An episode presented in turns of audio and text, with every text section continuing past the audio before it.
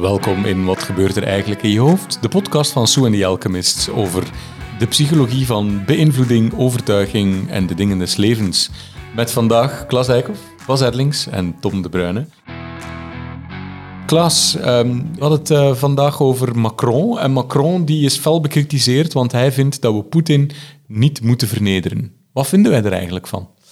Nou ja, een paar weken geleden hebben we natuurlijk over Oekraïne eh, gehad. En toen hebben we ook eh, beschreven dat het, dat het ook de wetten van een filmscript lijkt te volgen. Dat het ook makkelijk is in ons hoofd om niet alleen voor Oekraïne te zijn, maar ook heel erg tegen Poetin.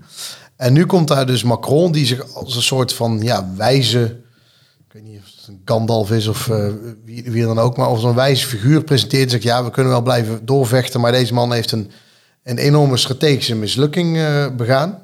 Het is extreem gênant wat Poetin heeft gedaan. Dat is wat eigenlijk, daarom vond ik het de, de boodschap best tegenstrijdig. Want om te verdedigen dat we hem niet moeten gaan vernederen, vernedert hij hem eigenlijk. Ja, ja, ja. ja Want hij zegt, die Poetin is, heeft wel zo'n blunder gemaakt. Hm, en hij moet er natuurlijk uit. Ja. Maar ja, dan moeten we hem wel gewoon, als hij dan met stille trom vertrekt, moeten we hem wel zeg maar dat laten doen zonder dat we hem ook nog vernederen.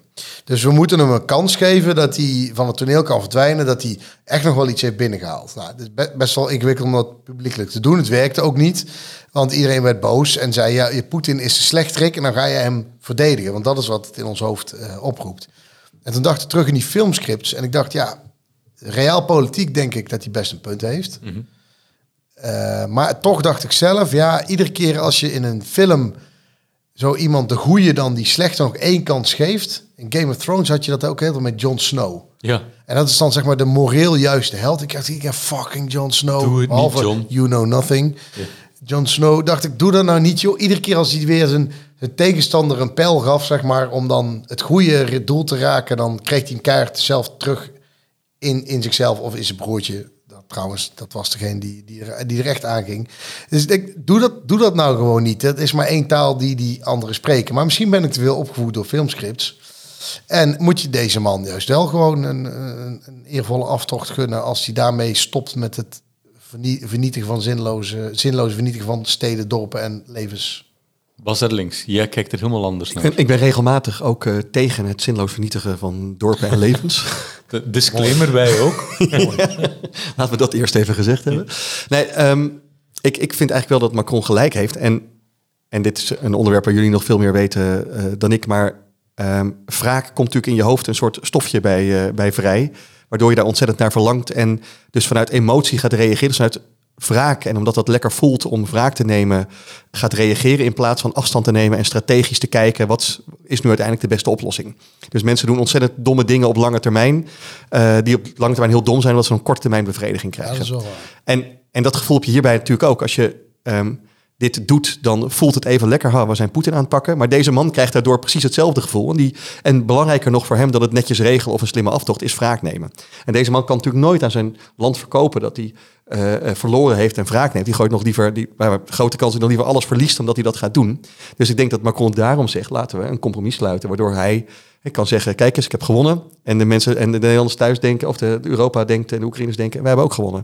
Dat is uiteindelijk natuurlijk politiek vaak het beste om iets voor elkaar te krijgen. Maar zou je dan ook bereid zijn om, om er iets voor in te leveren? Want kijk, als je zeg maar als, als Poetin zeg maar uh, via de achterkanalen zegt, joh, de status quo, uh, weet je, ik trek me wel terug, maar dan wil ik wel. Uh, uh, wil ik wel mijn gezicht, face saving exit, mijn gezicht kunnen redden. Maar wat hij natuurlijk nodig heeft wel, is, is een paar stukken Oekraïne die, die die voor de inval nog niet had. Ja, en, dat, en daar weet ik, voor weet ik er dus gewoon niet genoeg van, hoe dat, uh, hoe, hoe dat werkt. Maar van een afstandje zou je denken, ja, laat je of je hele land ver, verwoesten of een, of een stuk. En ik, ik, wou even, ik wou nog één voorbeeld om kracht bij te zetten. Duitsland. Altijd goed in deze discussie. ja. Nee, maar, maar na de Eerste Wereldoorlog zijn ze... Vier minuten geduurd. Ja. Nee, maar na de Eerste Wereldoorlog zijn ze natuurlijk vernederd met ja, herstelbetalingen ja. en alle macht afnemen. Na de Tweede Wereldoorlog hebben we daarvan geleerd en uh, hebben we natuurlijk gezien uh, hoe, hoe, dat gegaan is. En, en dan zie je wel dat die tweede natuurlijk... Uh, uh, een, stuk, uh, een, een, een, stuk beter is voor de wereld. Met één verschil dat de Poetin van deze tijd wel uh, in zijn bunker in brand gestoken was. Dus um, um, het, ik vind het een ja, beetje een soort game Bas, theorie. Wat Bas zegt is na de Eerste Wereldoorlog dan, hè? Nee, nee, nee. De, na de Tweede maakte- Wereldoorlog hebben hebben we de keizer naar Nederland gehaald. De Poetin van deze tijd, daar, daar bedoel je Hitler mee? Ja. Dat, maar dat, dat het Hitler het makkelijker maakte om, om om de macht te pakken op, door te teren op, op de frustratie en het ressentiment van het vernederde Duitse volk. Dat klopt, maar, maar we hadden Hitler, stel dat Hitler was blijven leven, dan zat die man in een soort ander soort spel. Dus Ja. wij, wij redeneren game theoretisch gezien vanuit dat we Dat met de waar. redelijke speler te maken hebben. En die speler is alleen maar op vernietiging. Dus de fout bij na de Eerste Wereldoorlog was na de oorlog niet, hè, zoals Churchill laten zei, in victory magnanimity. Als je gewonnen hebt, wees dan grootmoedig. ja, Maar je hebt hem wel eerst keihard verslagen. Maar dan moet je daarna niet blijven vernederen, want dan kweek je je volgende tegenstander. ja. En in de aanloop naar de Tweede Wereldoorlog is juist met appeasement te veel gedacht. Nou, geef hem maar een vinger, Ja. dan blijft hij van de hand af. Dus Ja. het is eerst keihard erop klappen en dan niet meer vernederen. Ja. Dus de het antwoord zou eigenlijk moeten zijn: vergeet Poetin, die moet je tot het bot vernederen, zodat hij uiteindelijk thuis eh, als een gebroken man afgezet wordt. Van zodra dat, dat gebeurd is, dan moet je eigenlijk heel genereus Ja, zijn naar ja. de nieuwe regering. Maar dan is natuurlijk de vraag, gaan de Russen ooit... eh, Is er een verschil in Rusland tussen Russische vernedering of Poetin-vernedering? Dus als je Poetin zou kunnen uitschakelen, ja. dan zou je daarna het Russische volk moeten helpen en niet vernederen en, Ja. en een kans geven weer. Het fantastische Russische volk versus de man die uiteindelijk eh, hun leven kapot Die wel daar de media beheerst. Ja. Ik- Ik vind dit wel een dingetje wat je nu zegt. Want ehm, Poetin vernederen, eh, laat hij dat gebeuren? En wat is daar de consequentie van? Wat nou als hij zelf besluit zich niet te laten Ja. vernederen... en altijd een receptje bovenop te doen ten opzichte Ja. van het Westen? Nou, dan, is wel een, eh, dan heb je een mooie tactiek te pakken. Dat klinkt als appeasement. Nee, maar hoezo Poetin? Wat is sowieso de? Wat hebben de Oekraïners eraan als je nu Poetin vernedert? Je bedoelt dan in jouw vergelijking met, met de Tweede Wereldoorlog, dan was het een kwestie van, nou, die deed het dan zelf, hè, die Hitler pleegde zelfmoord in de bunker. Ehm, dan is het uitschakelen van de leider en daarna het land en het volk niet vernederen. Ja. Maar wel eerst zorgen. Maar ja, goed, we gaan nu niet eh, Moskou bombarderen of een eh, aanslag op het Kremlin. Of... Nee, maar nog eens, het, het- waar het denk ik om gaat, is dat het een discussie is, of dat, dat we redeneren vanuit een soort speltheoretische principes. Van eh, welke zet gaat welke reactie bij je tegenstander doen. Maar dat is voor iemand die in een ander soort spel zit. Ja, En- ja, dat snap ja. ik. Maar de vraag is, als je hem nu... Jij zegt, eh, jij, ik snap wel dat je zegt, het held gaat niet werken om een, met- om please, pretty please with sugar on top, wil je alsjeblieft een beetje terugtrekken. Dat, Ja. Oké, eens. Maar wat is dan de toegevoegde waarde? Want jij slaat dan een beetje om en zegt, je moet hem keihard vernederen. Ik zou wel zeggen, je moet hem uitschakelen.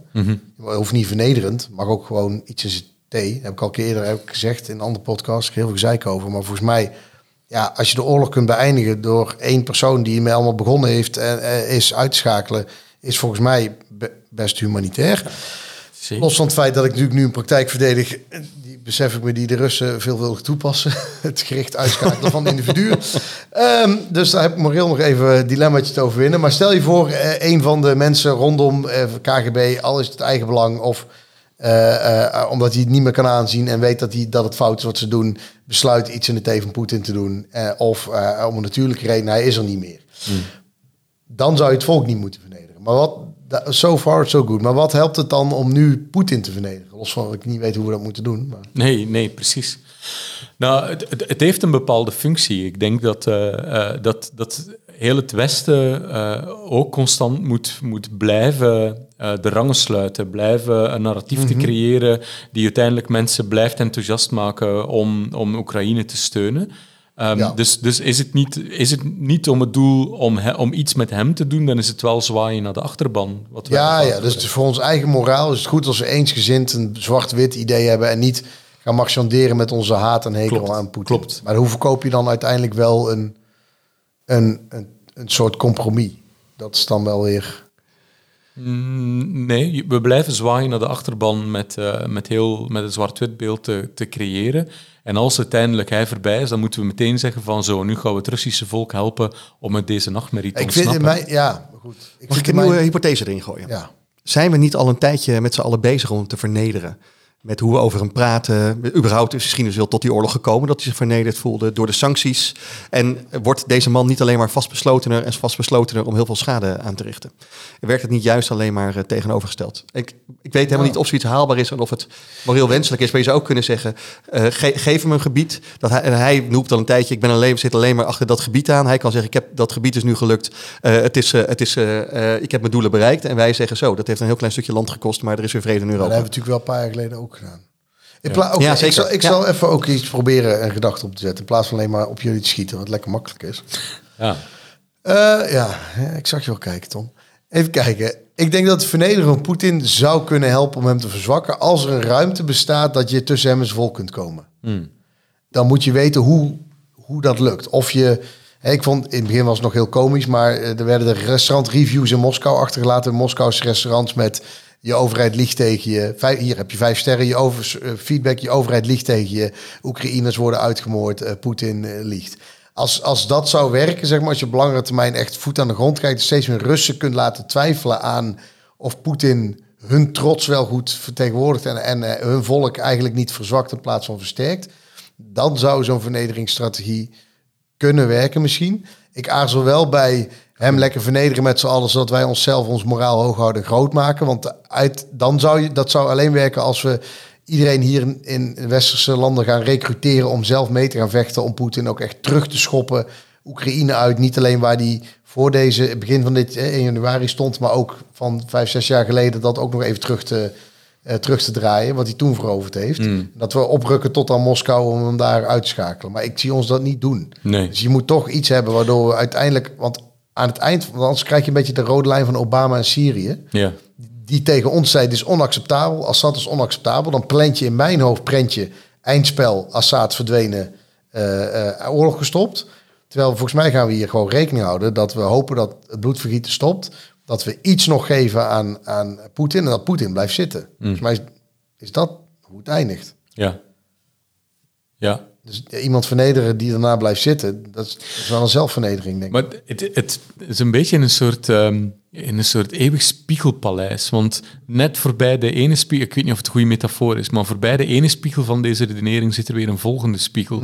Dus ehm, ja, je kan besluiten van we gaan hem niet vernederen, maar daarmee signaleer je dan bijvoorbeeld naar landen als China of India dat je dus er potentieel po- totaal mee kan wegkomen met dit gedrag, waardoor dat je eigenlijk een nieuwe brandhaard op een andere plek... Ja, Dus ik, ik heb moeite met. Ik zou graag iets signaleren wat, wat stoerder is, maar dan moet je het ook waarmaken. Ik denk dat het heel schadelijk is als je signaleert dat je er niet mee wegkomt en, al, en er vervolgens nog, alsnog mee wegkomt. dit wordt echt meta. Nee, ik bedoel, bij, bij Syrië, dit kan echt niet. Onacceptabel. Mhm. Ja, vervolgens bleek het toch op een of andere manier kennelijk acceptabel. Waren er alternatieven nog meer onacceptabel? Zij kwam ermee weg. Ja. De, dus, Dus jij zegt, je, signaleer, je moet niet signaleren dat iemand ermee wegkomt. Oké, maar dan zul je ook moeten zorgen dat hij er niet alsnog mee wegkomt. Nee, Toch? dus, maar oprokken naar Moskou is, is misschien niet, eh, dat is niet de rode streep die je moet trekken, want dan weet je dat dat een, een rode streep is die je nooit gaat bereiken. Ja, hoogstens wel wegkrijgen uit Oekraïne en hem dan wel degelijk, ehm, ja, wel degelijk vernederen dat hij, dat hij deze oorlog niet heeft kunnen winnen. Want het belang van wat je daarmee signaleert naar andere landen met dezelfde intenties is misschien nog veel groter dan wat je met hem wil bereiken. Ik denk dat het spiegeltje daar weer achter toch is wat Bas zegt. Dat je het over een paar jaar nog weer opnieuw probeert. Hmm. Maar ik denk dat hij dat toch wel doet, eerlijk gezegd, zolang hij er zit. We gaan er niet uitkomen, maar het was een interessante gedachte. Maar ik wil wel zeggen, namens de podcast, wat gebeurt er eigenlijk in je hoofd? Ja?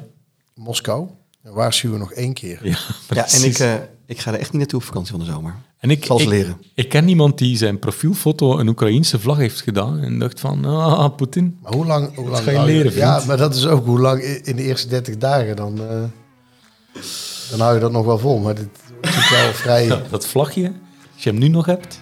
Ja, je kunt hem niet meer weghalen. Nee, Dat kan niet. Als je hem had, moet je hem houden. nee.